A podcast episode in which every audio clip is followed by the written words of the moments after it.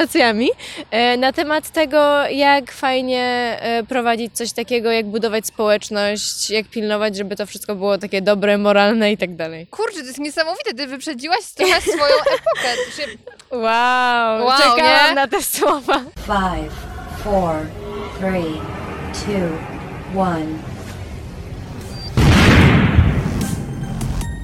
Podcast radioaktywny.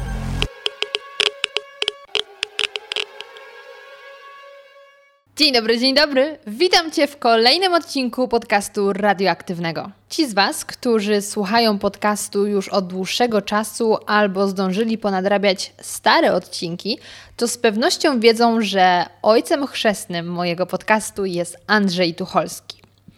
Jednak mało kto wie, że również mój kanał na YouTubie, kanał Zmacznego, który obecnie jest zawieszony, ale zamierzam tam wrócić, ponieważ dzieliłam się tam swoimi przemyśleniami na przeróżne tematy, również miał swojego rodzica chrzestnego, tym razem matkę. I tak matką chrzestną mojego kanału jest Weronika Szymańska, czyli Billy Sparrow. Znana youtuberka, która na swoim kanale dzieli się właśnie rozkminami, które przynajmniej ja tak nazywam, a jak ona nazywa, no właśnie.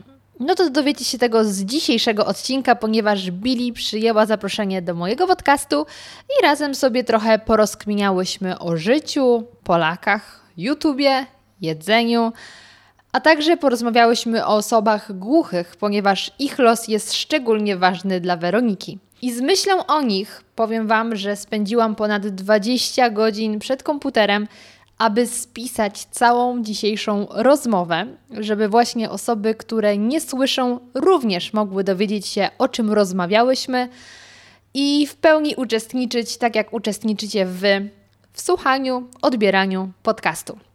Dlatego jeśli tym razem zamiast posłuchać lub obejrzeć podcast na YouTubie chcecie go przeczytać, to zapraszam Was bardzo gorąco na stronę zmacznego.com.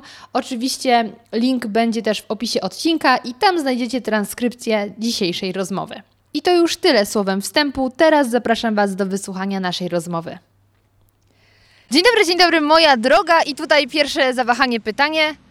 Weroniko czy Billy? Jak, jak się bardziej czujesz? Mm, Wiesz co, ja sama sobie często zadaję to pytanie i zastanawiam się, E, ale czuję się chyba dobrze i Weroniką i Billy. Jeżeli ktoś mnie zna lepiej i w życiu codziennym i mówi do mnie Billy, to to jest wtedy trochę dziwne. To, to jest dziwne, E, ale oprócz tego jakby spoko. Jestem przyzwyczajona do jednego i do drugiego, na jedno i drugie się odwracam, reaguję, Mhm. także w sumie nie ma to aż takiego znaczenia. A powiedz mi, czy w codziennym życiu jesteś, powiedzmy, podobna do Billy? To znaczy, no, z- nadawaniem sobie Jesteśmy totalnie inne w ogóle, wiesz. No tak, w ogóle codziennie się zmuszasz do tej roli.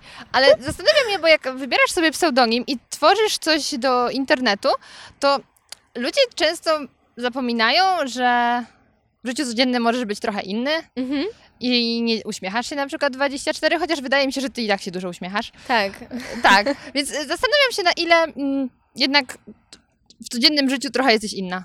E, Wiesz co, Billy to jest taki ekstrakt z Weroniki, to znaczy e, cała Billy jest w Weronice, ale Weroniki jest więcej niż Billy.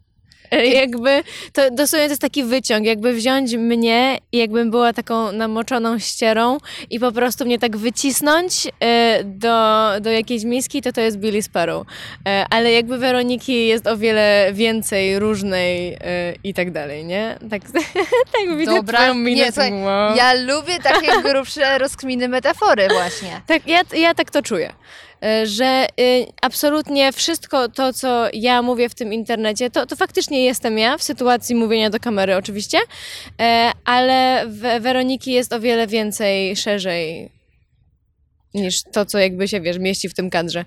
No to bardzo dobra odpowiedź moim zdaniem, bo gdyby mm, ktoś był tylko taki jak w internecie, to by było dziwne, bo oznaczałoby, że on wszystko wszystko, wszystko z siebie daje i pokazuje, a myślę, że tą granicę trzeba trochę zachować. Tak, wiesz co, właśnie rozmawiałam teraz z moją mamą o tym dosłownie parę dni temu. Rozmawiałyśmy o tym, że każda dziewczyna, która jest w ciąży i rodzi dziecko na YouTubie, nagle zmienia profil swojej działalności e, na tematy parentingowe. E, I właśnie rozmawiałam o tym z moją mamą i ona powiedziała do mnie, że no, bo widzisz, bo one jak opowiadają cały czas o swoim codziennym życiu, e, no to faktycznie potem w takiej chwili no, zaczynają opowiadać o tym dziecku, ale, ale ty mówisz w sumie na takie tematy, które są bardziej twoimi zajawkami, a nie tylko tym, co ty zrobiłaś, ale bardziej tym, co myślisz yy, i właśnie co ciebie zajawia, więc mogłabyś dalej opowiadać o innych rzeczach, mając dziecko. Tak, ja myślę, że to by było nawet dobre, bo ja ostatnio y, zauważam taką tendencję, że osoby bliższe w naszym wieku, mimo że jestem starsza od ciebie, no, ile?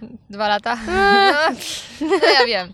Y, i Niemniej, one rzeczywiście zagłębiają się, się zagłębiają, mają ten etap, że zaczynają być rodzicami No. i to mnie tak bardzo, bardzo przeraża, że to są rodzice, a dalej youtuberzy i niektóre teksty, które słyszę typu dajcie znać w komentarzach, czy chcecie, żebyśmy razem w tym samym momencie poznali płeć, dzie- płeć dziecka, mnie tak troszeczkę przeraża.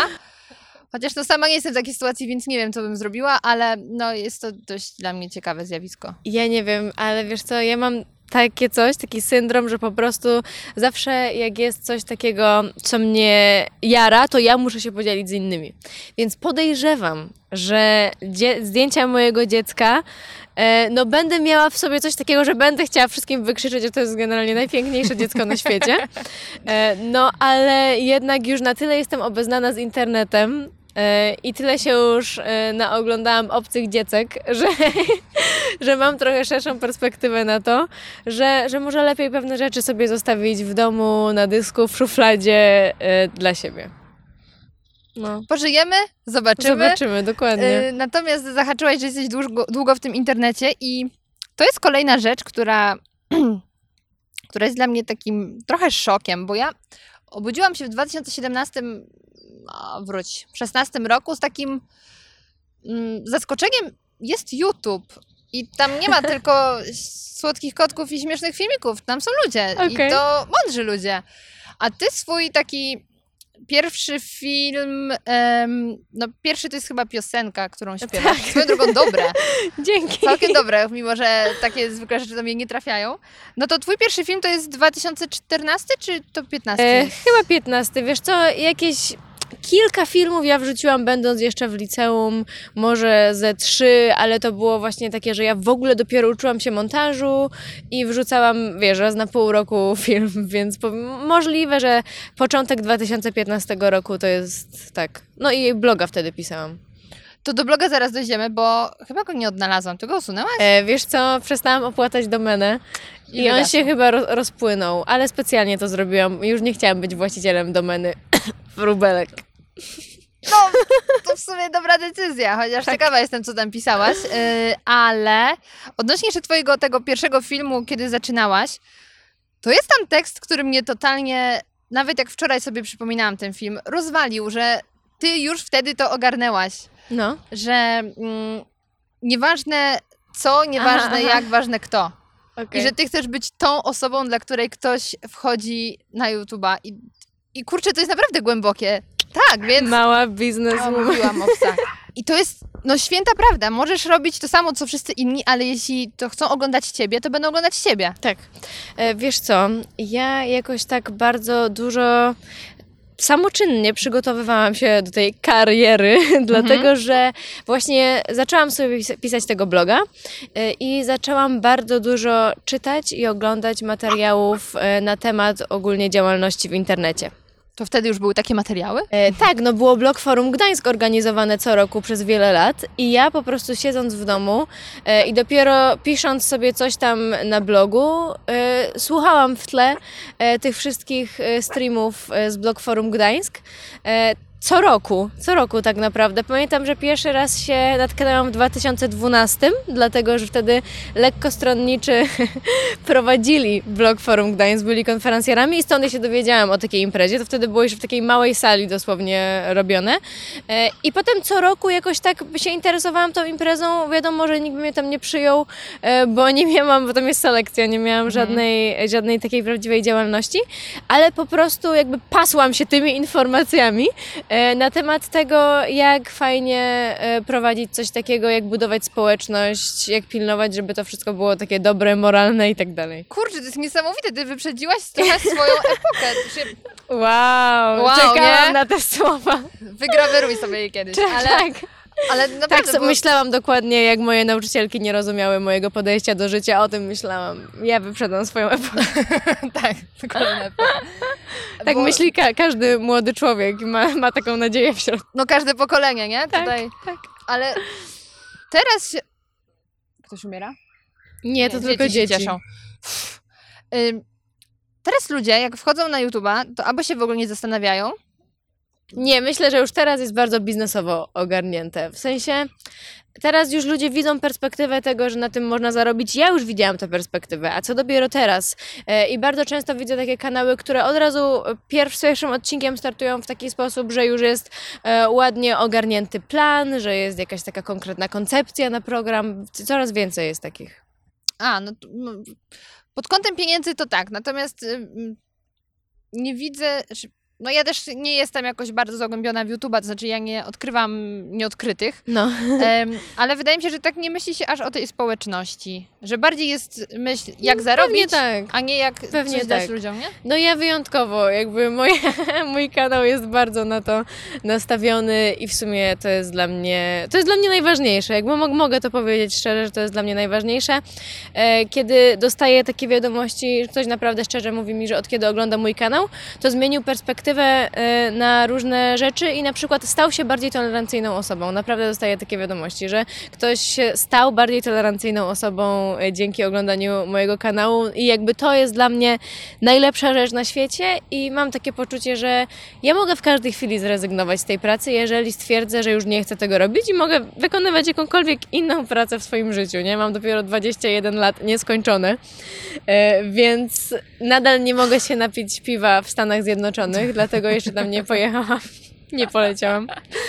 E, Więc, więc czuję, że jeszcze mogę dużo rzeczy innych robić w swoim życiu e, i że nie, nie muszę się zamykać tak tylko w tym YouTubie, że o mój Boże, to jest jedyna rzecz, którą potrafię robić. Muszę po prostu wyciągnąć z tego jak najwięcej hajsu, ile tylko mogę.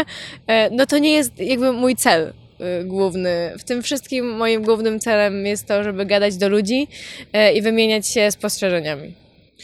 No właśnie, bo y, powiedziałaś, że dla wielu osób to, co robisz, ym, jest ważne i Mhm. jakiś wpływ na nich wywarło. Nawet trafiłam na jakiegoś bloga, gdzie ktoś rozpisywał swoją historię, jak to na ciebie trafił. O, Ale y, ja należę do tych osób, ponieważ ojcem chrzestnym tego podcastu jest Andrzej Tucholski. aha, On mnie y, namówił, właściwie zaproponował, żebym to zrobiła.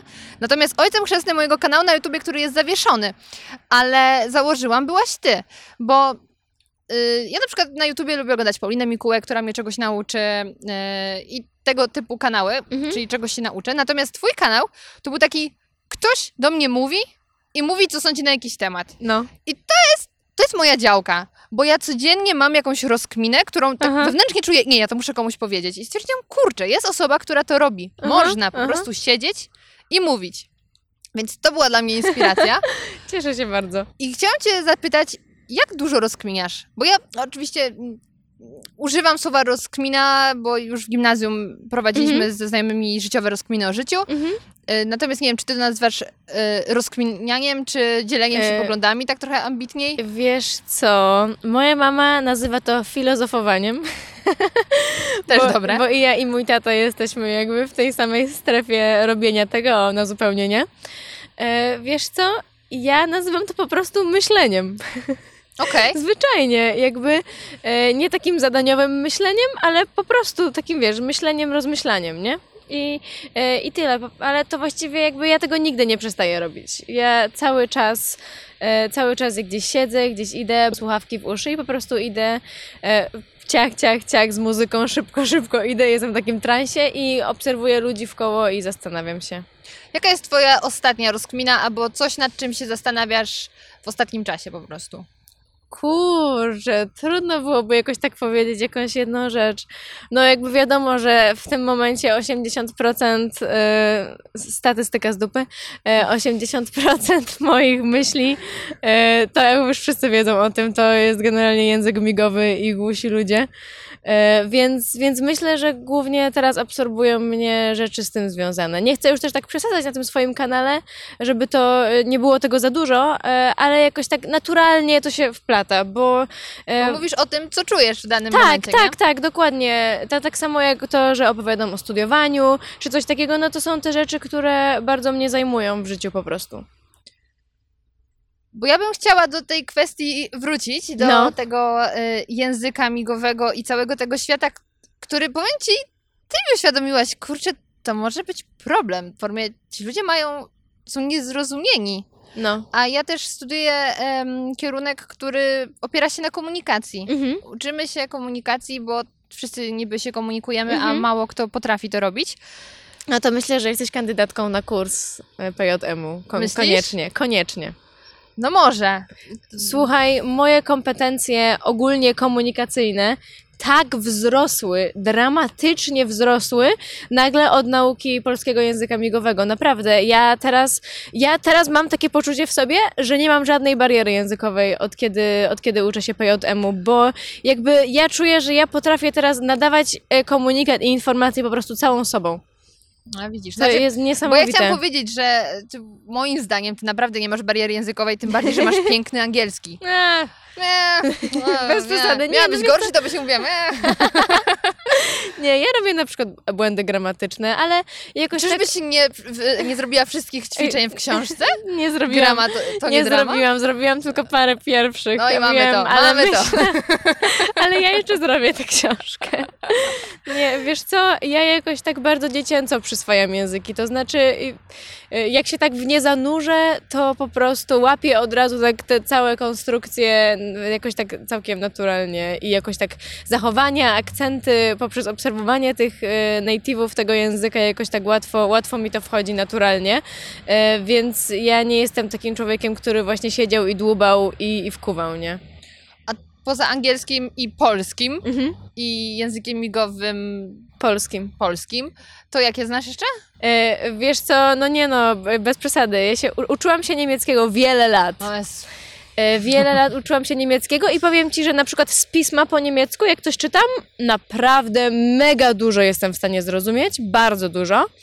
E, jakieś podstawowe rzeczy jestem w stanie powiedzieć, e, ale gramatyka po prostu całkowicie leży. Całkowicie olałam przypadki w niemieckim. Zero po prostu. Olałam to i powiem Ci, że chyba jeszcze kiedyś w życiu do tego wrócę, żeby to wyszlifować i żeby to było naprawdę komunikatywne, bo wiem, że mam jakby dużo już przez Podstawy tyle te. lat tej nauki, Mhm. już na pewno mam dużo tego.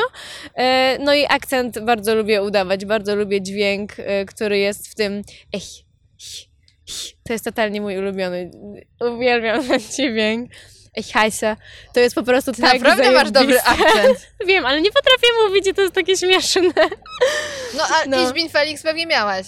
E, No tak, no wiesz, no ich ben, no to jeszcze ogarnia mnie, no ale e, już potem gorzej widzę twoją minę i jest Bo śmieszna. ja mam trudną historię z niemieckim. Tyle lat Okej. nauki poszło na nic. Okej, no. No. wiesz co, u mnie to poszło na nic tylko dlatego, że po prostu sama nie miałam chęci, zapału i ochoty.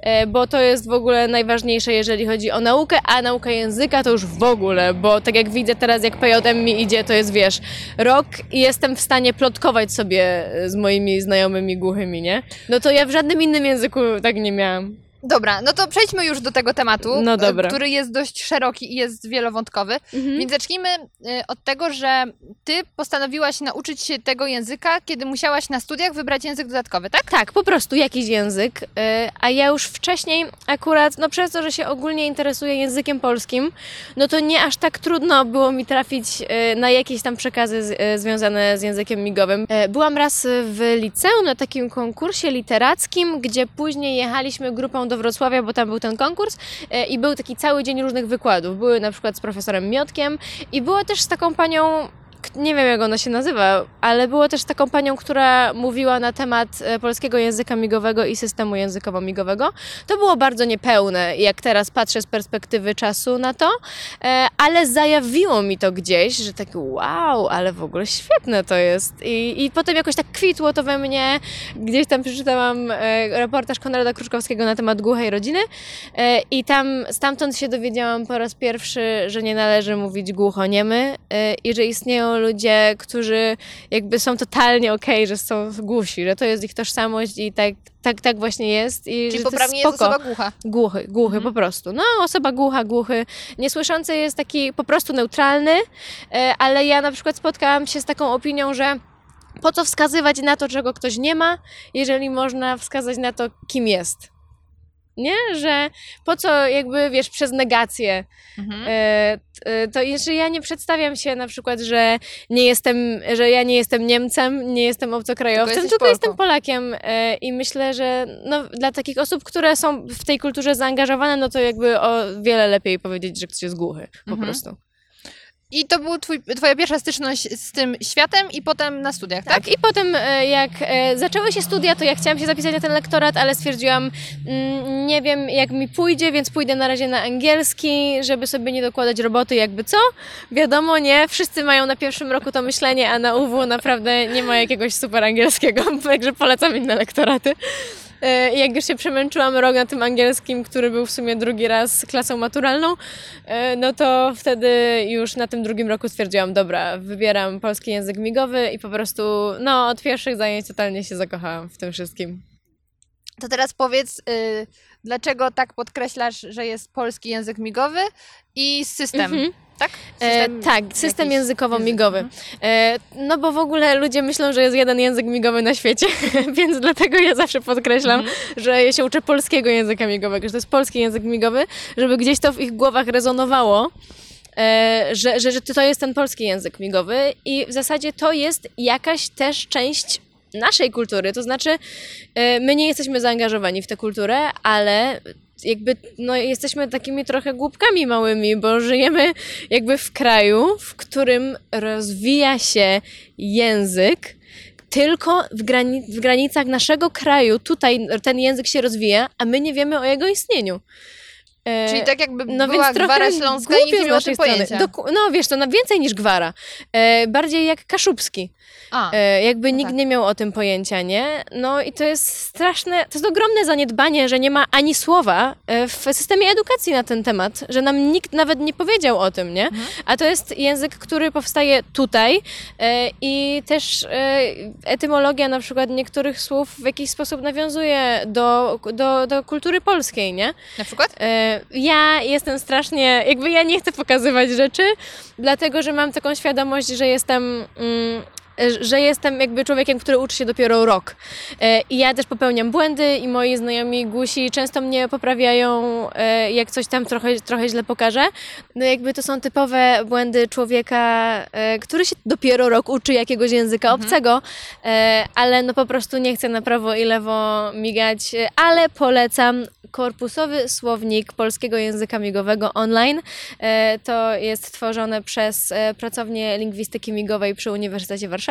Oni naprawdę zbierają głuchych z całej Polski, nagrywają ich takie luźne, towarzyskie jakby rozmowy, w sensie sadzają ich i oni po prostu między sobą rozmawiają. E, Później oglądają te rozmowy i wycinają konkretne znaki, liczą częstotliwość tych znaków e, i kiedy ma wysoką częstotliwość występowania w tych rozmowach jakiś znak, to dołączają go po prostu e, do tego słownika. Kurczę. E, Więc zapraszam i tam są filmiki, tam są tłumaczenia, wszystko tam jest, żeby sobie obejrzeć. Ja tu nie będę Robić ro- zajawek. robić, no dokładnie. A to jest naprawdę niesamowite, bo ja bardzo często mam bardzo dużo myśli naraz i zaczynam się w ogóle miotać w tym, co mówię, plątać. A tutaj musisz to wszystko jeszcze pokazać. Mhm. I E, to jest fascynujące. Wiesz co? E, To jest prostsze. E, Dlatego, że mimika e, w języku migowym, a przynajmniej w polskim, bo wiadomo, again, jakby przyjmijcie to, że kiedy mówimy tutaj o języku migowym, to mówimy o polskim, bo to jest jedyny, który ja znam. E, w jakimś stopniu komunikatywnym. No tam jakby mimika jest częścią gramatyki. Bez mimiki nie ma pełnego jakby przekazu. E, Są e, czasem takie same znaki, które znaczą co innego e, w, zależności od tego, że zmienisz mimikę. I po prostu łatwiej jest się wyrazić. No wiadomo, jeżeli ktoś ma problemy, że nie potrafi operować, no to problem, nie? Tak. To musi, ale to jest też tam do pewnego stopnia do wyuczenia. Mm, Ale mnie na przykład, ja mam bardzo bo- bogatą mimikę, mnie jest łatwiej wyrazić swoje emocje w języku migowym, dlatego że je po prostu widać. Mhm. E, Naturalnie po prostu je widać e, i, i wystarczy, że do tego do, do, dokleję jakby te znaki opowiadające jakiejś tam sytuacji, ale, ale to, co jest na twarzy, to oni po prostu odbierają bardzo, bardzo dobrze. E, Bo po polsku, nawet jak będziesz mówił do słyszącego Polaka, to on, i będziesz miał tę mimikę bogatą, to bardzo często on po prostu tego przekazu nie odbierze, bo tak się nie skupia, nie? Na tym. Zastanawiam się, jak zadaje się w takim razie, znaczy jak rozróżnić, czy ktoś zadał To pytanie. znaczy tam akurat y, też trochę się operuje, y, operuje szykiem, szykiem zdania, chociaż to nie wydaje mi się, żeby szyk zdania to, była, to było poprawne sformułowanie do języków wizualno-przestrzennych, y, bo tam jakby dużo rzeczy się dzieje symultanicznie, że jednocześnie pokazuje się y, rzeczy, a nie, nie ma tak, że mm, mm, mm, mm, tylko jakby operuje się w przestrzeni. Again, podkreślam, ja naprawdę nie jestem, Ekspertem, nie jestem oczywiście. ekspertem. Jesteś ich wysłannikiem E, tych I osób. tam wysłannikiem. E, Ale no właśnie głównie e, pytanie to jest mimika, nie? No po prostu jak, jak pytasz, e, to, to robisz i tyle. I to wiadomo, że Jak to jest wiesz tą pytanie. minę, to sobie wyobraziłam takie amerykańskie e, filmiki, gdzie są takie, wiesz, Big Mamy i takie mm, No bo one mają też wyrazić tą mimikę. dokładnie. Tak, no po- jakby to, to widać, jakby nie pomylisz się. Są takie znaki, gdzie przeczenie robi się właściwie tylko przez prze- pokręcenie głową, że nie. Czyli, że na przykład e, znak wierzę, a nie wierzę, różni się, e, jakby ręce robią to samo, różni się tylko twoją mimiką i postawą ciała, że ty pokazujesz sobą negację jakby, nie? I tutaj E, znowu nawiązujemy do tego, że to jest w Polsce, bo w innych krajach Tak. to znaczy tak, nie? No, na przykład w Bułgarii chyba nawet, nie? Więc tam na pewno mają to na odwrót też w języku migowym. No, ale jakby to różne języki różnie, różnie. E, No, ale tak, i, i to nie ma, nie pomylisz się. To znaczy, e, oni tak bardzo pokazują całym sobą, że nie, że, że nie odczytasz tego jako, jako tak. A ten system, czym się różni od języka? E, No, system to jest subkod języka polskiego, po prostu. E, To znaczy, e, jest znak przypisany do każdego słowa w języku polskim i tak jak kolejno, możesz równo, jakby teoretycznie możesz równo mówić z, z miganiem tego, bo każdy znak jest przypisany do konkretnego słowa i nie, pomy, nie pomija się, znaczy wiesz, pomija się. E, Polski język migowy ma po prostu zupełnie inną gramatykę. Po prostu zupełnie inną. To jest po prostu język obcy. E, I to tak samo jak nie jesteś w stanie na przykład mówić po polsku jednocześnie pisząc po angielsku. To, kurczę, to, by było to, trudne. ta, to tak samo nie byłabyś w stanie jednocześnie e, poprawnie oczywiście, no bo jak się obstraż, no to coś tam e, może ci się, wiesz, uda, nie? Ale tak samo nie byłabyś poprawnie e, w stanie słowo w słowo e, mówić po polsku i migać w polskim języku migowym, no bo to są po prostu osobne dwie gramatyki, nie? Albo zakres znaczeniowy słów też się nie zawsze pokrywa, nie? E, no po prostu język obcy, nie? Ale no nie, nie, ludzie tego do końca nie ogarniają. A w telewizji co się pokazuje? E, Wiesz co, z tego co wiem, co mówili mi moi głusi znajomi, to kiedyś e, pokazywano, właśnie migano właśnie e, w telewizji tym SJM-em, czyli systemem. No i to jest bez sensu. No tak średnio bym powiedziała. E, ale wywalczyli sobie to na długiej drodze, że, że teraz jest PJM, ale jest i tak problem z dobrymi tłumaczami, jest, jest mało. Moja koleżanka Iwona Cichosz mówiła ponoć, że jest e, na, na Polskę 50 dobrych tłumaczy języka migowego.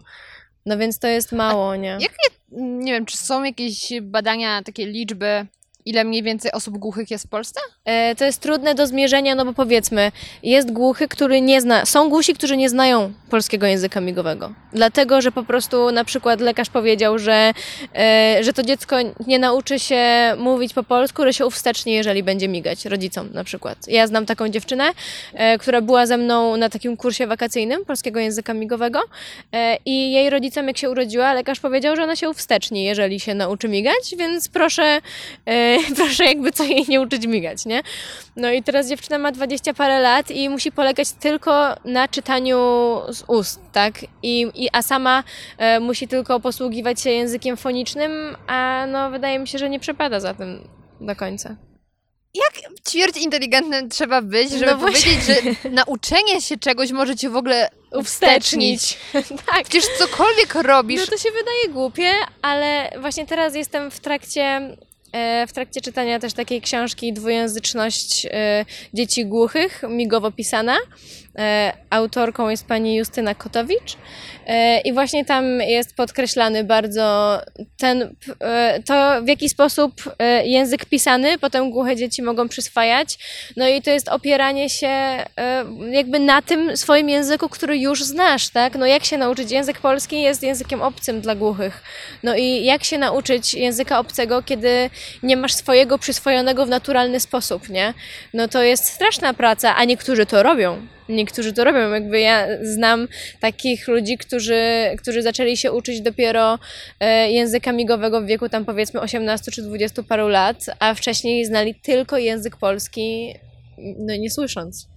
Więc to jest naprawdę, no i to jest rzucanie kłód pod nogi z naszej strony, że jako słyszący, którzy w większości nie mamy żadnego kontaktu z głuchymi, nie mamy żadnego pojęcia, e, no wydaje nam się, że, że my wiemy lepiej, bo my jesteśmy tacy oświeceni, nie? Bo my słyszymy, więc my wiemy, jak ten świat naprawdę funkcjonuje. E, Więc my po prostu wam teraz powiemy, że macie być tak, tacy i tacy, macie robić tak i tak. E, I wydaje nam się, że że jeżeli e, będziemy zmuszać e, głuchych do posługiwania się językiem fonicznym, to że oni wtedy jakby, że jakby wtedy oni będą jakby wyrównać, że dorównamy ich do siebie, nie? E, Ale kiedy oni się będą posługiwać tylko językiem fonicznym, to oni nigdy nie będą mieli pełnego dostępu do informacji. Do jakby na imprezie oni nigdy nie będą w stanie, siedząc przy stole, wyśledzić jakby tych wszys- wszystkiego, co jakby mówią. Mhm. ludzie w koło. Nigdy nie będą w stanie. A z językiem migowym i z dobrym tłumaczem jakby są w stanie mieć 100% dostępu informacji wszędzie. zainteresowałaś mnie tematem. To jest ciężki temat, bo w ogóle e, my jako słyszący mamy, no jakby mamy dużo winy w tym wszystkim. Jakby to jest nasza wina. E, I ja wiem, że, że większość osób słyszących po prostu nie ma zielonego pojęcia i Nie, po prostu w nie żaden ma. sposób nie jest zaangażowana. Bo wiesz, to tak jak jedziesz za granicę i to y, do kraju, gdzie totalnie nie znasz języka, albo nawet no, kultury. Powiedzmy, jedziesz do Azji, Mhm. jesteś w Chinach, w wiosce, gdzie nie No. znają angielskiego. I wtedy, no, możesz coś pokazywać, że to chcesz tu i, i się nie dogadasz inaczej. No. A my niejako taki los trochę sprawiamy tym ludziom. No, znaczy w ogóle mnie jest strasznie przykro, jak o tym myślę. Po prostu me mega mi jest przykro, bo to są normalni ludzie, normalnie myślący. Nic nie zawinili. e, nic nie zawinili, e, a po prostu ciągle ktoś myśli, że, że jest mądrzejszy od nich i, i, i że on im jakby pokaże, e, jak powinni funkcjonować. No i jest mega dużo stereotypów też takich. Mega trudny jest im znaleźć pracę, pomimo tego, że mogą przecież, do, jakby mogą robić wszystko dokładnie to samo. Myślą, po prostu, prawda? Tak, o, oprócz pracy po prostu w call center, nie? Chociaż gdyby to było call center migowe, no bo przecież też e, jakby istnieją. Tak, tak, oni generalnie głusi się komunikują, e, jakby dzwonią do siebie, normalnie wyciągają telefon, dzwonią do siebie, wiesz, tak, nie? Mhm. Że migają sobie tutaj do kamerki. E, No są w stanie naprawdę wykonywać każdą pracę. E, A, a bardzo często, jak, no jak pracodawca będzie miał e, jedno CV słyszącego i jedno CV głuchego, nawet jak ten głuchy będzie miał trochę więcej w tym CV, no to stwierdzi, co się będę męczył, nie? Przecież się nie dogadam. Tak. No. Ty, y, w którymś Q&A, wydaje mi się, ten temat był poruszony, że ktoś cię zapytał, y, że, że chciałby zostać psychoterapeutą. Tak, to było u Hani na kanale, na naszym, Tak. w naszym wspólnym filmie, tak. To było dla mnie takie, ja cię nie mogę z Maczyńska, Nigdy nie nigdy pomyślałeś nie o pomyślałabyś o tym. Tak, a przecież oni też potrzebują. No bo są normalnymi ludźmi. tak, Wszystko normalnie potrzebują i to jest tak... tak, wszystko normalnie potrzebują, a nic nie jest dostępne Nic jest- no, w polskim naprawdę. języku migowym. I no. dlatego to jest fantastyczna sprawa, że ty o tym mówisz. Tak jak powiedziałeś, że są kanały, które prowadzą osoby głuche. Tak. To jest takie, dlaczego ja o tym nie pomyślałam?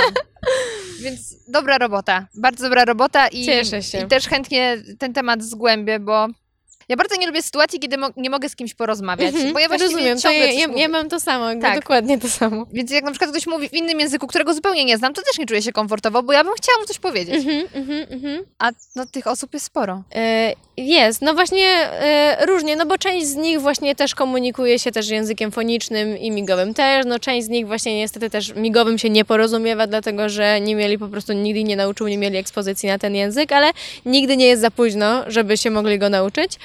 E, No a e, część e, właśnie preferuje na przykład ty- ty- tylko migać i pisać, część tylko, tylko migać, no bardzo różnie. No ale na, na pewno jeżeli będziesz znała ten język migowy, no to bez problemu po, powiększy To się nie uwstecznia. nie, nie ustaczy się. Powiększy się ta grupa ludzi, z, z jaką możesz się komunikować, to jest super. Wczoraj moja, moja koleżanka, właśnie, która jest głucha, wczoraj mi pisała, że siedzi sobie w Arkadii i podchodzi do niej jakiś koleś, no i coś tam zaczyna do niej mówić. No i ona standardowo pokazuje na uszy, że ona nie słyszy. E, I, I ona się tak ucieszyła z tego, że on się nie obsrał i nie uciekł. Tylko po prostu jej pokazał gestami, że chce, żeby zrobiła mu zdjęcie i ona mu zrobiła te zdjęcia i on jej zapytał, e, zapytał, nawet nie wiem w jaki sposób, ale w jakiś sposób zapytał jej, jak, jak jest dziękuję e, w języku migowym. Ona mu pokazała, on jej pokazał dziękuję i jeszcze odszedł od niej i jeszcze się wrócił i zapytał, jak jest miłego dnia, żeby jej zamigać miłego dnia. Ekstra. E, I jakby to jej sprawiło wielką radość, że ktoś jej nie potraktował e, jako w ogóle kogoś, z kim nie można się dogadać, no bo to jest nieprawda.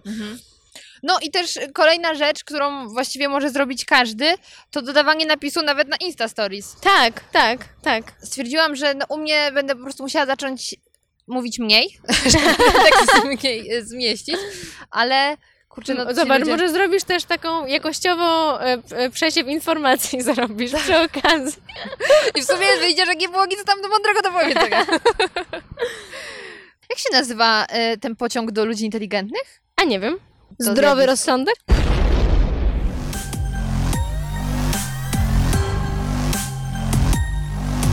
Podcast radioaktywny. Dzień dobry, dzień dobry.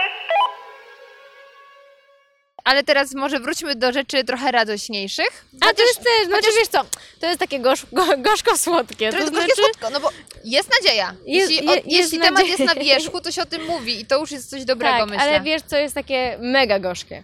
To, że to nie jest tak, że ja dopiero zaczęłam o tym mówić. Głusi trąbią cały czas na ten temat, tylko nikt ich nie słucha, jakby paradoksalnie. Oni mają cały czas jakieś takie spotkania, badania językowe, jakby od wielu lat, oni są mega w to, Ale w widzisz, to zaangażowani. wracamy moim zdaniem do motywu tego, że musi być piękne słowo swoją drogą i ostatnio też mocno e, używane, influencer. Osoba, No. która trafi Ma do ludzi. wpływ, no. I nieważne, czy to kiedyś influencerem był papież, chociaż dalej myślę, Jejku. że ten jest, czy to jesteś ty. Ludzie, którzy przemówią do swojego środowiska Mhm, I, mhm. i może to był problem, że na razie nie znalazła się osoba, która by tak dobrze ich reprezentowała. Wow, to są Wśród młodych ludzi, nie wiem jak wśród starszych. reprezentowała, Bo jest nie wiem, kto mówi jeszcze o takich Wiesz osobach co? z osób, które bym kojarzyła. Ja staram się tego nie spierdolić, y, bo ja wiem, jak bardzo dla nich ważna jest ich reprezentacja. Y, Jak bardzo dla nich ważne jest, żeby, żeby, żeby nie było jakichś po prostu mitów na ich temat, żeby ktoś nie wychodził i nie przywłaszczał sobie jakby tej kultury i tego języka na zasadzie ja teraz uczę się rok i ja właśnie teraz będę uczyć was po prostu jak migać, bo ja już jestem alfą i omegą. Y, Jeszcze jest- jakoś to spieniężę przy tak, okazji. jeszcze to spieniężę przy okazji. E, Wiem, że to jest dla nich bardzo ważne, że jakby osoba słysząca może być obserwatorem tej kultury, Mhm. w jakiś sposób popularyzatorem, e, ale jakby ja nie mogę wejść e, w kulturę głuchych. To znaczy, No musiałabyś być osobą taką, żeby tak, wejść. Tak, no i jeszcze dzieci głuchych, które są słyszące, też jakby są brane w ten nawias, że jakby one, one mogą pełnoprawnie jakby uczestniczyć w tej kulturze. Mm, przez to, że oni mają jakby wspólne doświadczenia. Oni mają wspólne doświadczenie braku dostępu do informacji, czy dzieci y, osób głuchych mają wspólne doświadczenie na przykład tłumaczenia swoim rodzicom od małego, co, no, czego nie powinno się robić. Głusi też się jakby informują nawzajem, że jakby nie wolno tego robić, bo to się dobrze nie odbija na dziecku. E, jakby mają takie wspólne doświadczenia, których ja nie mam. Ja je mogę rozumieć całkiem dobrze, jak się postaram, ale ja nie mam tych doświadczeń, więc jakby zawsze mogę być takim małym obserwatorem tego e, i jakby mogę opowiadać o tym, że to jest super, ale najważniejsze jest to, żebym ja zawsze przekierowała jakby do źródeł, e, gdzie są te głuche osoby, które naprawdę właśnie reprezentują tę swoją kulturę. Tak jak na przykład w słowniku. na przykład, nie wiesz? Podlinkujemy. Tak, podlinkujemy. To jest moja ukochana strona, kocham ten słownik. Billy. Billy Weroniko Sparrow. Tak, Szymańska. no. Ten podcast będzie opublikowany już we wrześniu, w połowie. I wrzesień to jest miesiąc, kiedy część osób już wróciła do szkoły, a część albo jeszcze poprawia egzaminy, albo Mhm. szykuje się na październik na rozpoczęcie studiów. Więc chciałabym Cię najpierw zapytać o edukację niestudencką, czyli Mhm. jeszcze nie studia, tylko o właśnie podstawówkę, gimnazjum, Ojejku. może liceum. Co dodawało Ci sił we wrześniu, żeby przetrwać do kolejnych wakacji? Wiesz co? E, Ja nigdy nie byłam takim człowiekiem, który nie lubił szkoły, bo ja bardzo lubię się uczyć. E, Miałam zawsze też e, super znajomych i przyjaciół, więc ja raczej byłam takim człowiekiem, który totalnie się cieszył, jak się kończył rok szkolny, ale tak samo cieszył się, jak już się zaczynał. To już było takie jakby, ja jestem taka, że no dobra, urlop, urlop, ale już odpoczęliśmy, to teraz jakby zno, znowu możemy iść. I było dużo, dużo było rzeczy w szkole, które mi się podobały i które mnie rozwijały. No oczywiście było z wiekiem coraz więcej rzeczy, które mnie tam w tym całym systemie po prostu wkurwiały strasznie. Czy ty też jak myślisz o tej szkole teraz, to stwierdzasz, nigdy bym już nie dała rady tam wrócić? Absolutnie, Jezu. absolutnie. Absolutnie tak. Jak ktoś mi mówi, że liceum było najlepszym okresem No jego jest. życia, to ja takie, okej, czyli po prostu cieszyłeś się tym okresem, kiedy mogłeś kupić piwo, a nic innego jeszcze nie A musiałeś. nie było żadnych konsekwencji. Tak, dokładnie, takie okej. No, wiesz, ja się strasznie już dusiłam pod koniec w szkole. Bardzo, bardzo, bardzo. Nie, w liceum prawie już nie było. Nie, ja byłam. Jeździłam do Warszawy. Ja byłam, ja w ogóle byłam jedyną w mojej klasie osobą, która od e, skończenia osiemnastki miała takie od mamy doświadczenie, że może sama usprawiedliwiać swoje nieobecności. E, dlatego, że jakby moja mama traktowała mnie jako normalnego, dorosłego, rozsądnego człowieka. E, i wiedziała, że ja i tak nie będę chodzić na wagary. Jakby ja nie chodzi... ja mogłam sama siebie usprawiedliwiać, no. a i tak nie chodziłam na wagary nadal. E, A są takie osoby, których mama musiała usprawiedliwiać, a i tak chodzili na wagary, nie? Więc jakby e, niekoniecznie to, e, czy, czy ten rodzic będzie ci to podpisywał, to jest jakakolwiek realna kontrola, nie? Ale jestem w szoku, że szkoła na to poszła, bo y, ja też mogłam powiedzieć zawsze mamie, słuchaj, napisz mi usprawiedliwienie, nie idę do szkoły i było okej, więc moja mama też wiedziała, że ja jestem w domu, bo nie było gdzie chodzić na wagary, bo pochodzę z bardzo małej miejscowości.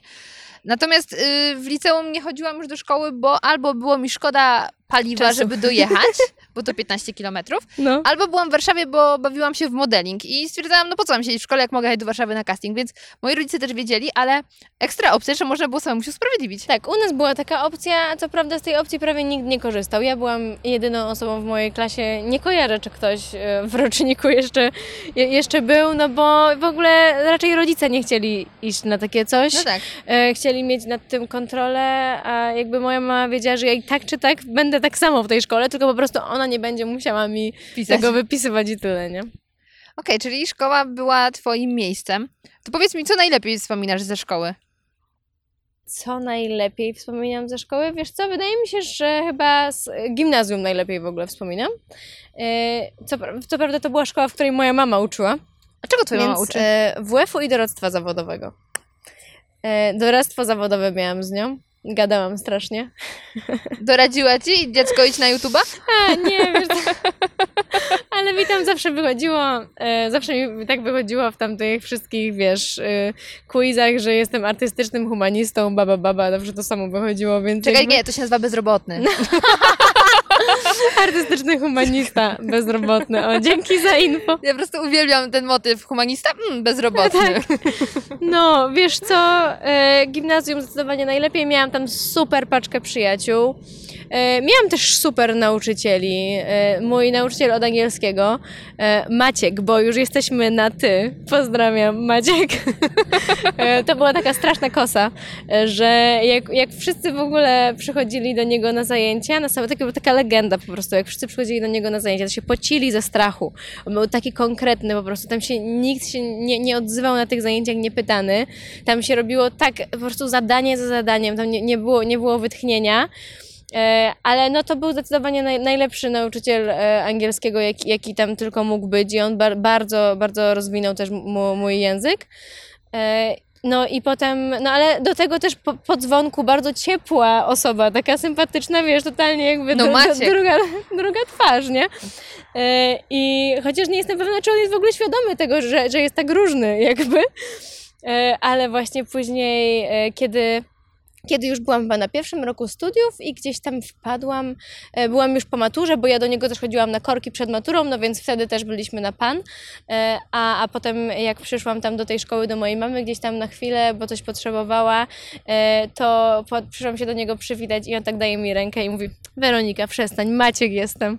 I ja wtedy takie, oh my gosh, po prostu wszyscy się bali tego człowieka i, i byli przepoceni na zajęciach, a, a ja jestem z Maćkiem na ty. Wspaniale, mój nowy kolega Maciek. Także, także w ogóle bardzo, bardzo miło wspominam moje gimnazjum i na przykład do dzisiaj moje gimnazjum na swoim fanpage'u szkolnym zawsze jak, jak mnie się coś udaje, to udostępnię o tym informacje. Jak jest e, jakieś, e, jakiś artykuł ze mną, to wrzucę. Wydałam książkę, e, wrzucili. Moja koleżanka na przykład, która też chodziła do tego gimnazjum, teraz wrzuciła zapowiedź, że wydaje płytę, oni to wrzucili, więc jakby naprawdę bardzo fajna atmosfera. Kuźnia takie, talentów. Takie podejście. Kępno, tak? Tak, Kępno. Ile tam mieszkańców jest? E, w samym mieście 15 tysięcy, trochę więcej w powiecie. No to widzę, że podobnie Podobny mamy. vibe, podobny Tak. vibe. I o to też chciałam Cię zapytać. Czy Ty mieszkając tam czułaś taką potrzebę, jejku, ja muszę się wybić i gdzieś wyjechać? Wybić nie, ale wyjechać, po prostu wyjechać. Znaczy tak głównie już w liceum to już naprawdę, to już było tak, Duszę się. już dłu- tak, że ja już po prostu dłużej tutaj nie wytrzymam. Mhm. E, I też potrzebowałam wyprowadzić się z domu, bo ja kocham moich rodziców i się super dogadujemy, ale jak się wyprowadziłam, to się dogadujemy lepiej. to jest taki super też, e, zaw- zawsze tak się dzieje, e, jak, jak się wyprowadzają młodzi ludzie z domu. E, Więc no, ja po prostu potrzebowałam tej samodzielności, potrzebowałam tego, żeby w końcu wszyscy w koło e, przestali mi mówić, co oni uważają, że, że jest jakby W lepszym końcu Ty to zaczęłaś robić. I to do setek tysięcy ludzi na YouTubie. Słuchajcie, to jest dobre. Nie, ja nie chcę nikomu mówić, co jest najlepsze, nie? oczywiście. E, Ale wiesz, no chcę po prostu jakoś tak pobudzać do zastanowienia się. Ja ogólnie mam jakąś taką swoją wewnętrzną misję takiego kształtowania, takiego wykuwania swojego charakteru e, w tę stronę, żeby, żeby zawsze zachować się jak najlepiej E, i żeby z czasem e, móc jakby tylko lepiej się zachowywać, ale co oczywiście się nie udaje, no bo każdy ma jakieś tam swoje upadki moralne i, i inne. Trudniejsze czasy. tak, dokładnie.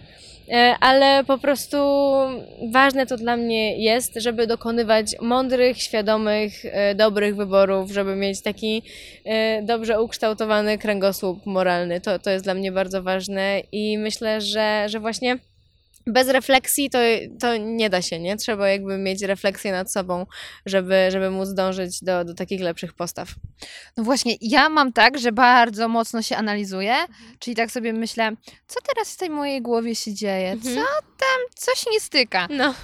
I zastanawiam, właściwie fascynuje mnie, że wiele ludzi nie ma w ogóle auto takiej... e, Autorefleksji. autorefleksji. A to jest takie potrzebne. E, To znaczy, wiadomo, że można też z tym przesadzić, jasne. Oczywiście, no, E, jak ze wszystkim. wszystkim.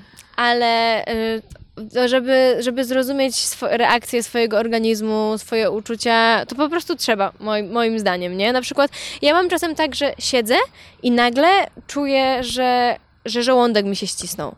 I zastanawiam się, co się stało. Jakby świadomie, świadomie nie, nie, nie czuję, nie pamiętam, że coś się stało. I tak zatrzymuję się na chwilę. Myślę, co się stało na przykład przez ostatnią godzinę i tak, a przeczytałam tamto, albo przypomniałam sobie o tamtym okej, już To pamiętam. już jest wyższy poziom I na- autorefleksji. Naprawdę I, i jakby wiesz, że jakaś, w ogóle mój organizm jest taki, że bar, bardzo reaguje, bardzo reaguje na takie rzeczy, mega jest wrażliwy, e, że po prostu jak, jak, jakikolwiek stres, jakiekolwiek sytuacje, to, to wszystko się odbija po prostu na moim organizmie i szczególnie właśnie tak e, żołądkowo, nie, że po prostu ściska mi się wszystko, nie mogę nic zjeść, jak chociaż trochę się A, denerwuję. nie możesz No ja właśnie tak bardziej mogłabym mieć cały czas. Okej, znaczy No. wiesz co, jak mam na przykład taki, nie wiem, stresujący okres pod tytułem sesja, to tak, ale jak jest takie jakieś jedno wydarzenie, to ja po prostu jestem, wiesz, zamrożona i chcę mi się wymiotować, więc bardzo mocno to koreluje jakby z tym, co się dzieje we, we mnie psychicznie i emocjonalnie. E, I faktycznie wtedy jakby znajduję przyczynę tego, co, co wiesz, wydawało mi się, że nie odcisnęło na mnie piętna, a odcisnęło jednak, bo mój organizm zareagował. E, I mam takie, okej, Weronika, czy to jest naprawdę ważne? No nie, to jest coś małego. Okej, to rozumiem, dlaczego teraz się tak poczułam i to za chwilę odejdzie. No. Ktoś się tego nauczył, czy sama to Nie, ogarnęłaś? właśnie sama, e, ale to jest, ja jestem jakimś bardzo wyjątkowym przypadkiem też pod tym względem. Moja, e, moja przyjaciółka Hania Sywula, która zresztą też była gościem twojego Tak. podcastu, e, ona cały czas nie może się nadziwić, byliśmy teraz dwa tygodnie na wyjeździe i ona cały czas chodzi i ona nie może się nadziwić, dlaczego ja jestem taka zdrowa psychicznie. I ona cały czas... Coś mnie- bierzesz. Cały No czas jak nic. cały czas mnie o to pyta, jak ja to robię, o co chodzi.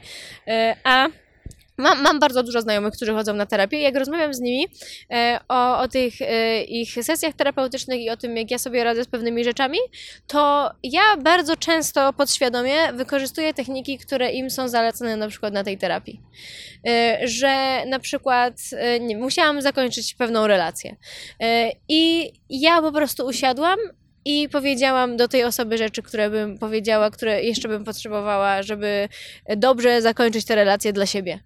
E, I opowiadam o tym mojej przyjaciółce, która chodzi na terapię i ona mówi, że to jest totalnie technika e, terapeutyczna, żeby komuś po prostu powiedzieć, e, takie, u- udawać Weronika, jakby wyobrazić... na jakichś live kodach. Tak, że wiesz, wyobrazić sobie, że ktoś stoi przed tobą i, i mówisz do niego te rzeczy i wtedy to pomaga, bo tak jakbyś do niego naprawdę powiedziała.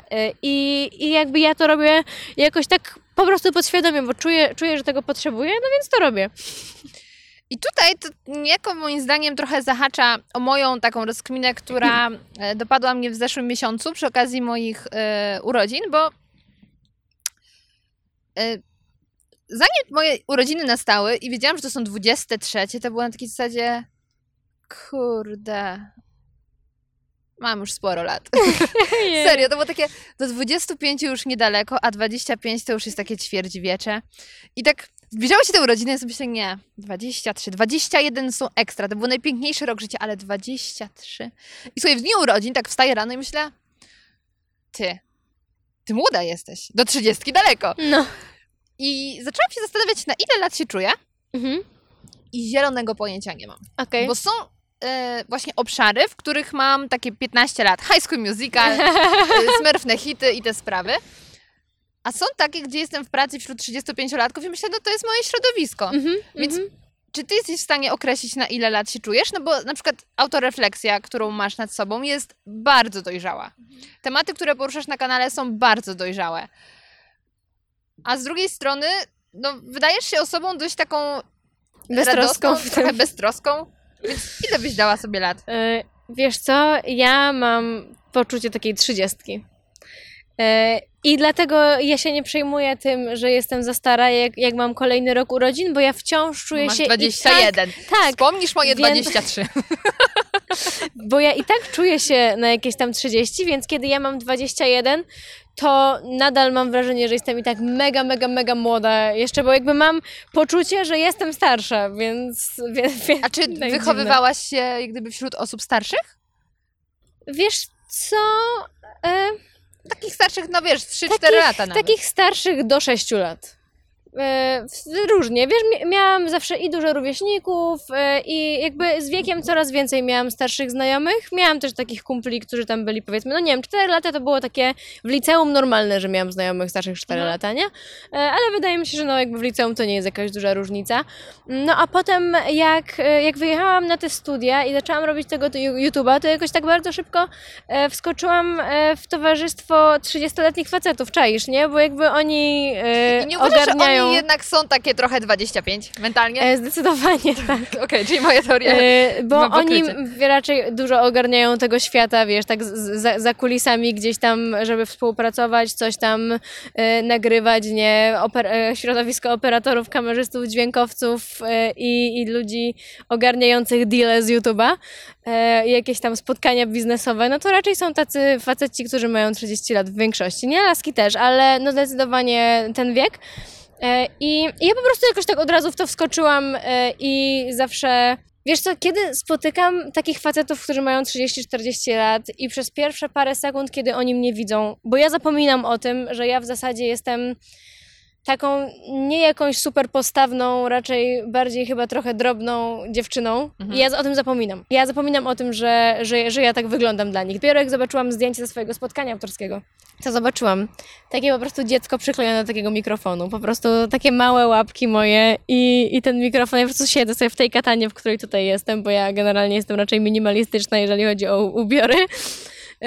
I, I po prostu zobaczyłam dopiero wtedy i ja o tym zapominam. I kiedy ja spotykam takich 30-40-latków i ja zaczynam z nimi rozmawiać Jak z kumplami. tak, ja zaczynam z nimi rozmawiać jak równy z równym, bo dla mnie to, że oni mają więcej lat albo mają inną płeć, jakby no nie stanowi. Jesteśmy dwoma e, osobami, które teraz się tutaj spotykają, będziemy rozmawiać na jakiś temat, whatever, nie? E, I jakby wiem, jak bardzo różne są te poziomy e, emocjonalne i poziomy dorastania jakby na różnych sferach, że to jakby nie da się przyrównać dwóch ludzi tak naprawdę, że okej, ty masz 15 lat, ty masz 15 lat, to jesteście tacy sami. No, no totalnie No nie. nie, totalnie nie.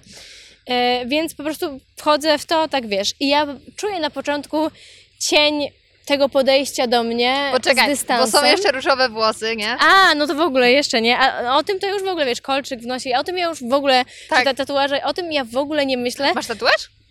E, trzy, małe. Tutaj, Pokaż, tutaj i tutaj.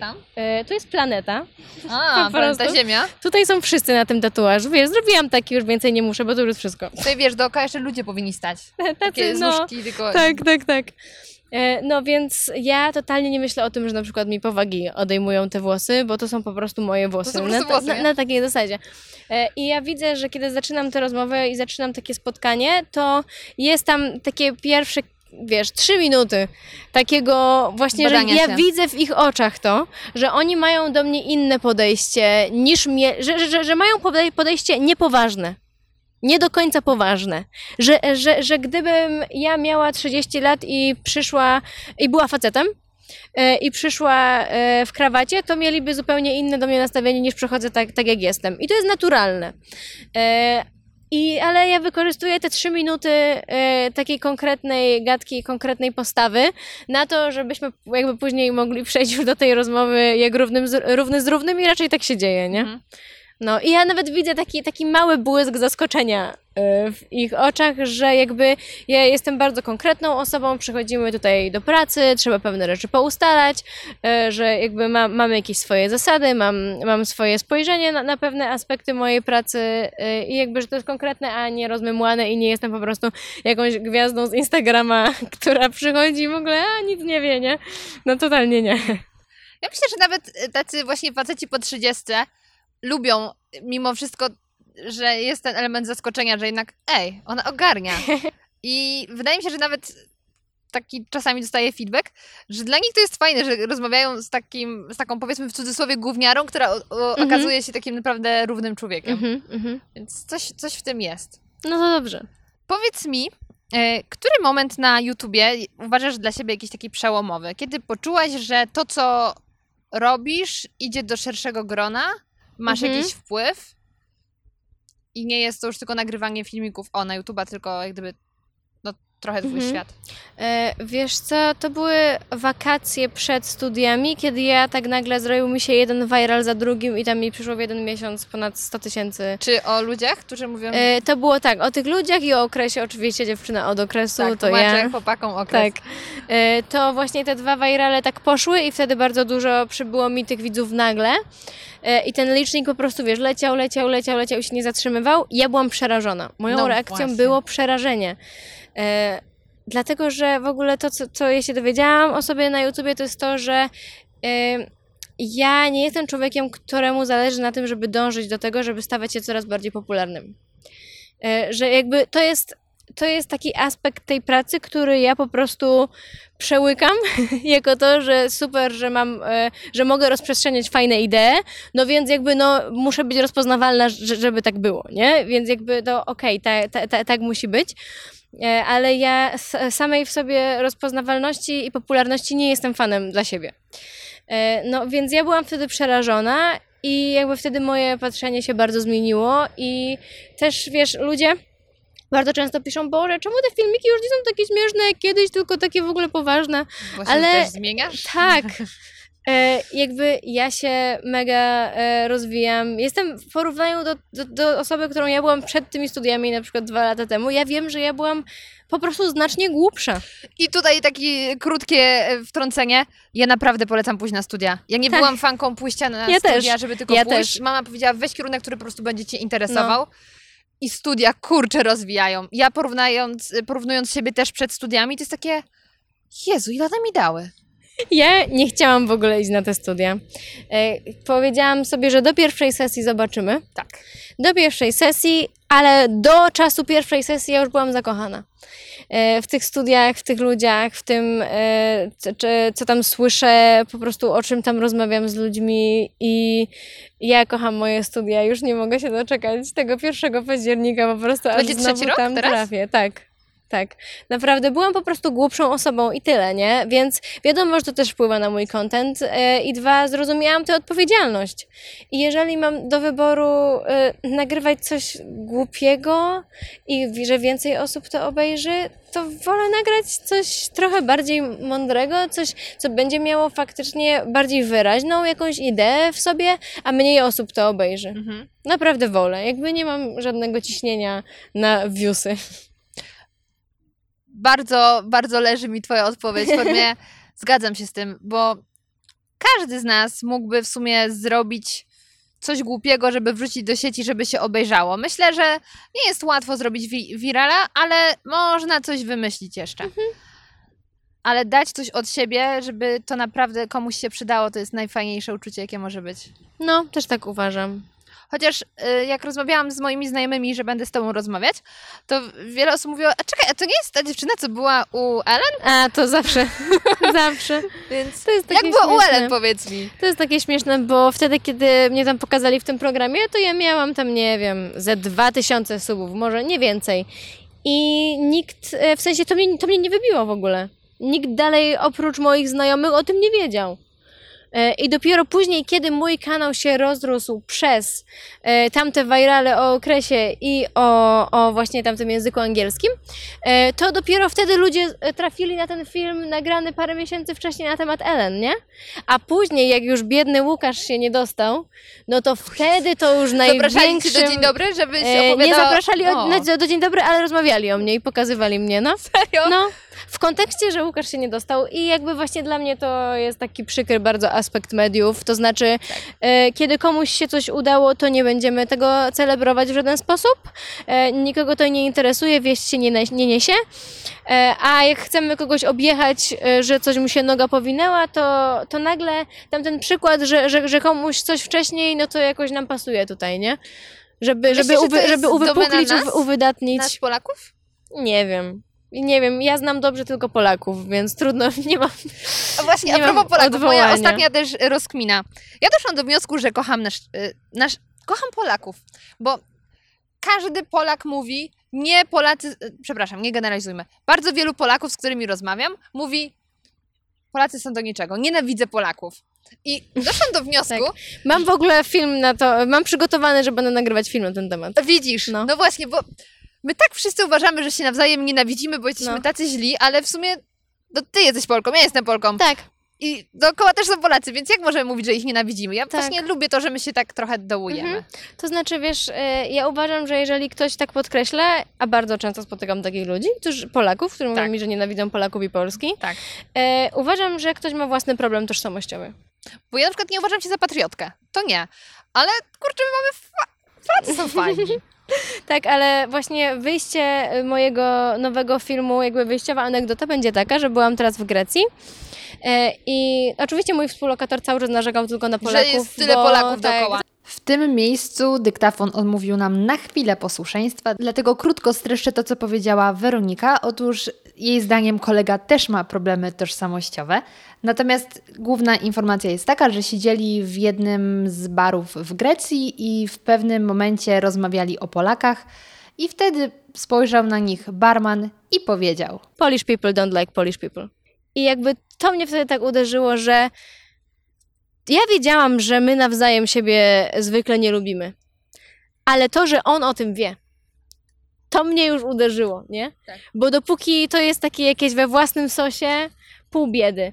Ale jeżeli obrazem, jaki my pokazujemy na, na swój temat innym ludziom z innych państw jest to, że my nawet nawzajem siebie nie lubimy, No bo no, Nie jest nie jest przypadkiem mega. powiedzenie, że najgorsze, co może być za granicą, to spotkać drugiego Polaka, prawda? Coś, coś w tym jest. Tak, No. to, to taka moja ostatnia Ale rozkmina. tak, ale wiesz, właśnie to w ogóle mm, to, to, to działa na, na różnych polach, y, bo y, to jest tak, że na przykład, nie wiem, często ludzie z Kępna będą narzekać na ludzi z Kępna. Często Polacy Ja z będą- Gryfowa będę narzekać na ludzi z Gryfowa. Tak, dokładnie. No, no tak po prostu jest. E, Ale uważam, że to są po prostu problemy tożsamościowe. E, Że jakby ja jestem 100% po prostu złożona z Polski. Ja się urodziłam w Polsce, wychowałam się w Polsce. Język polski mnie ukształtował nic innego. W mojej rodzinie nie ma żadnych obcokrajowców, nie ma żadnej obcej krwi. I no, prawda jest taka, że większość osób w Polsce to są właśnie tacy Tak. ludzie, tak? No nie jesteśmy jacyś egzotyczni, tak? E, I jakby oglądanie polskiej telewizji mnie ukształtowało, czytanie polskich gazet, czytanie polskich książek. Ale kreskówki zagraniczne. E, No tak, ale wiesz. no Jaka bo- była twoja ulubiona? Jaka bajka cię ukształtowała, kreskówka? Kurczę, trudno, bo ja oglądałam wszystko. Miałam telewizor e, w pokoju zawsze jak byłam dzieckiem. bo Moi rodzice są też uzależnieni od telewizji, od oglądania telewizji, więc, e, więc ja oglądałam praktycznie wszystko, ale wydaje mi się, że X-Meni. E, Mm, te klimaty. e, X-Men, e, X-Men Ewolucja. E, Było taka jakby druga, druga wersja. By- Byli tacy starzy z lat 90. animowani e, i by, byli tacy, gdzie oni byli wszyscy jako nastolatkowie e, w szkole. E, I zdecydowanie tak. Znaczy w ogóle e, Profesor X e, to zawsze był, był mój największy crush. Widzisz. No to, to, to Bo ja wiesz w te bajki się nie miał po zagłębiałam. prostu, wiesz, taki potężny umysł, nie? I to było najlepsze. Jak się nazywa ten pociąg do ludzi inteligentnych? A nie wiem. Ale rozumiem. Zdrowy zjawisko. rozsądek?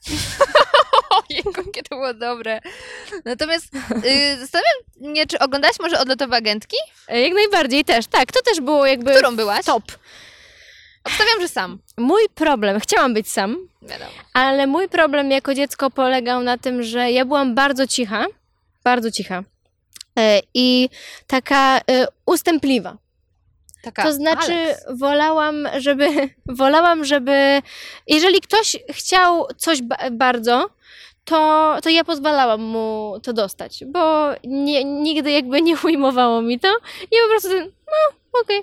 Ja byłam, byłam mega cicha. E, I na przykład e, dziewczyn w zabawie zawsze było więcej niż trzy. E, Więc i do tego jeszcze nie miałam dobrego refleksu nigdy i nadal nie mam dobrego refleksu. Więc na przykład, jeżeli w zabawie było pięć dziew, jakże były cztery, to wszystkie trzy zdążyły najszybciej zaklepać agentki, a ja dostawałam Mandy, niemiłą przyjaciółkę. No bo- Byłaś Mandy? no bo w ogóle tylko to do tyle- ciebie nie pasuje. Już szybciej No, powiedziałabym, że y, ale, Jeremy? ale, ale ja by... właśnie, Jerry? słuchaj dalej, słuchaj dalej, to nie koniec. Bo jakby Mandy byłam, no bo jakby, no on nikt nie chciał być Mandy, bo była niemiła, no to mnie zostawało, bo ja nie zdążyłam zaklepać nic innego. A jak było pięć, to wtedy nagle Mandy też w sumie była pożądana, bo była w ogóle postacią kobiecą i wtedy mi zostawał Jerry. Okej. Ty, ale Stary Jerry był facet. spoko. On był spoko i też był moim crushem, ale był starym facetem e, i mi po prostu zostawała taka rola, bo nie miałam refleksu i nie miałam takiej siły przebicia, żeby E, Wiesz, nie, ja nie, nigdy nie miałam, ja w ogóle nie mam w sobie rywalizacji. W sensie ja jakby nie wiem, to jest po prostu u mnie w mózgu wyłączone. Nie, nie mam tego, po prostu dla mnie e, każda rywalizacja to jest po prostu bieg po złote gacie. Ma, ma, mam takie wrażenie, Ostatnio że jakby, robiłam sobie podcast z kolegą z Zagłębia e, Sosnowskiego, albo że Dąbrowskiego, nie wiem. I teraz y, hitem u nich są majtki Sosnowca. Okej? Więc może ta rywalizacja już nie będzie złote gacie, tylko majtki, Majtki Sosnowca. Może być, może być, ale jakby dlatego ja absolutnie nie, nie było takiej najmniejszej szansy, żebym została sportowcem. Nie tylko dlatego, że po prostu nie jestem tak sprawna, absolutnie nie jestem, a moja mama uczy WF-u, ale dlatego, że ja po prostu w większości rywalizacji nie widzę żadnego sensu. Ja widzę, widzę sens e, we wspólnej radości i we wspólnym dogadywaniu się. Nie widzę sensu w rywalizacji, po prostu. Wyobraziłam sobie teraz taką tęczę nad tobą. To takie piękne. Nie, naprawdę, w sensie, jak ktoś na uczelni nie chce komuś wysłać swoich notatek, e, żeby ktoś nie miał lepszej oceny, no to na przykład to jest dla mnie śmieszne, nie? To już nawet nie jest walka o złote gacie, to jest po prostu beka wielka dla mnie. E, No, po prostu nie, nie mam tego. Wiem, że niektórzy są, niektórzy są tacy twórcy na YouTubie, których właśnie rywalizacja napędza. Obserwowanie tych statystyk, kto, komu przybyło w tym miesiącu, że mój, kan- mój kanał jest dobry, bo mi przybyło jeszcze więcej. Przyrosty Szukam- takie i takie. tak, szukam następnych pomysłów, co może, żeby ten kanał urósł jeszcze bardziej. I jak najbardziej ich to prowadzi do sukcesu, do, do jakby rozwija ich karierę, e, ale no jakby moje rozumienie sukcesu jest trochę inne. W ogóle ludzie cały czas e, mnie pytają. Bardzo często dostaję prośbę o to, dobra, to przyjdziesz do nas, e, nas zrobić takie spotkanie u nas w szkole, albo z- zrobimy z tobą wywiad. I ja pytam, okej, w jak, jakiej tematyce, o co chodzi? no przyjdziesz i opowiesz o swoich sukcesach. E, I to jest takie straszne. Ja w ogóle nie, nie lubiłam słowo sukces przez, przez bycie youtuberem i przez swoją karierę, przyznaję się. E, dlatego, że ja nie postrzegam swojego życia w tych paru momentach, które inni postrzegają jako sukcesy. E, Ja, ja się cieszę, ale większą zwracam uwagę też na ten proces, który mnie do tego doprowadził, bo ja znam ten cały proces, więc mam inną perspektywę. E, I do tego wszystkiego naprawdę ja się cieszę z takich mega małych rzeczy. Naprawdę cieszę się ze spotkań z ludźmi, ze studiowania codziennie e, i z dobrego jedzenia. I jakby to są rzeczy, które dają mi największą radość, a tamte wielkie sukcesy, które inni postrzegają, w sumie kojarzę bardziej z okresem stresu niż, niż wie, z jakimś triumfowaniem. Więc mam takie trochę niesztampowe postrzeganie sukcesu. Mm, No i, i też to, to postrzeganie jakby kieruje moją karierą, nie? Że, że właśnie no, no nie będę biegła po złote gacie, jakby chill. No utwierdziłam się tylko w przekonaniu, że dobrze, że tego suba ci dałam jakiś czas temu. Ale zahaczyłaś jeszcze o jeden wątek bardzo bliski memu sercu i żołądku, czyli dobre jedzenie. tak. Co lubisz jeść? Kurczę. E, I wiesz co? Ja w ogóle mam takie fazy i mam takie coś od dziecka, że łapię fazy. Na przykład moi rodzice mi opowiadali, że jak byłam dzieckiem, na przykład raz miałam fazę tylko na salami. I jadłam na przykład wszystko z salami, nie? To nietypowe trochę jak na E, dziecko salami, nie? Mój tata był zawsze dumny z tego, że kocham golonkę. E, ale, ale staje się to z wiekiem problematyczne, no bo chyba bym chciała zostać e, tym wegetarianem, wegetarianinem. E, ale no kocham to Hania, mięso. już widzę cię wystarczająco Też, dobrze karmi. Też, ale wiesz co, jakby właśnie spotykam coraz więcej ludzi w moim życiu, których podziwiam po prostu i jakoś oni są. Zawsze okazuje się, że oni, że oni nie jedzą mięsa. E, więc, no ale trudne to jest dla mnie, bo ja, bo ja kocham naprawdę jeść mięso, więc miałam taką fazę na przykład jako dziecko, że na przykład cały czas jadłam tylko salami. E, potem miałam na przykład fazę, że cały czas jadłam tylko szynkę konserwową, nie? Jakby... Znowu mięso. tak. E, I na przykład teraz mam czasem takie fazy, że na przykład jem tylko humus i awokado, nie? E, za chwilę e, mam, ma, mam taką fazę, że cały czas jem kabanosy. Za chwilę mam fazę, że cały czas piję sok jabłkowy, nie? I jakby, nie wiem, ciekawe. mam jakieś takie dziwne, mam dziwne fazy na produkty spożywcze, naprawdę. Że, że, że, że po prostu chodzę do Biedronki i defaultowo kupuję tylko tę jedną rzecz, nie? I cały czas tylko to wpieprzam i nie interesuje mnie, czy to jest śniadanie, obiad czy kolacja, nie? Czy trafiła ci się już faza na masło orzechowe? E, wiesz co, taka mega faza nie. O Jezu, albo czasem mam na przykład, fa- teraz mam mega fazę na sushi. Wiesz, ostatnio cztery dni z rzędu jadłam sushi Mm. e, I ale jakby no to jest, Jadłabym. to jest to, to jest opcja dla youtuberów, bo trudno, żeby ktoś codziennie mógł sobie kupować sushi. Chyba, że robić sushi też można. Ja sobie kiedyś Też miałam można. sushi z kaszy. O, No, wow. w formie to nie miało nic wspólnego z sushi, ale No okej, to okay, w po prostu nori, więc rozumiem. Było takie inspirowane tobą i Czekaj, to kulturą ładnie polską. em, kuchnia fusion. O, dokładnie. Pięknie. No. Słuchaj, to ja mam nadzieję, że ty złapiesz fazę na masło orzechowe, bo ja No. dzisiaj dla ciebie go nie mam, bo ja robię ogólnie najlepsze masło na świecie. no. Ale Thermomix mój odmówił posłuszeństwa i ja ci to masło dotransportuję. Naprawdę? tak, i będziesz Jezu, miała fazę. Super, ja mega lubię masło orzechowe. Także y, będzie okazja, Bardzo żeby dziękuję. się znowu spotkać i ja ci bardzo dziękuję za to spotkanie. Ja tak jak również. mówię, y, danie ci suba było bardzo dobrą decyzją i polecam, żeby inni też to zrobili. No to kończymy. Dzięki, Dziękuję. papa. I jak wrażenia? Ciekawa jestem, czy podobnie jak ja jesteście pod ogromnym wrażeniem Weroniki. Tego, że jest dopiero 21 prawie letnią dziewczyną, a jest tak dojrzała, tak mądra i tak twardo stąpa po ziemi. I jednocześnie nie zapominając o innych i walcząc, szerząc nowinę o osobach głuchych, o ich losie i ich potrzebach. Bardzo dziękuję Wam za wysłuchanie tego odcinka. Jeśli chcecie podzielić się ze mną jakimiś wrażeniami, to jestem do dyspozycji pod y, mailem podcastradioaktywny.com. Czekam również na Instagramie zmaczne.go. I jeśli podobał Wam się odcinek, to będzie mi też bardzo miło, jeśli zostawicie swoją ocenę w iTunes. Ocenę, komentarz, dzięki temu podcast ma szansę trafić dalej i będzie nas jeszcze więcej, bo ekipa osób słuchających podcast radioaktywny, no nieskromnie powiem, jest zdecydowanie najlepsza. Bardzo Wam dziękuję i do usłyszenia już niedługo.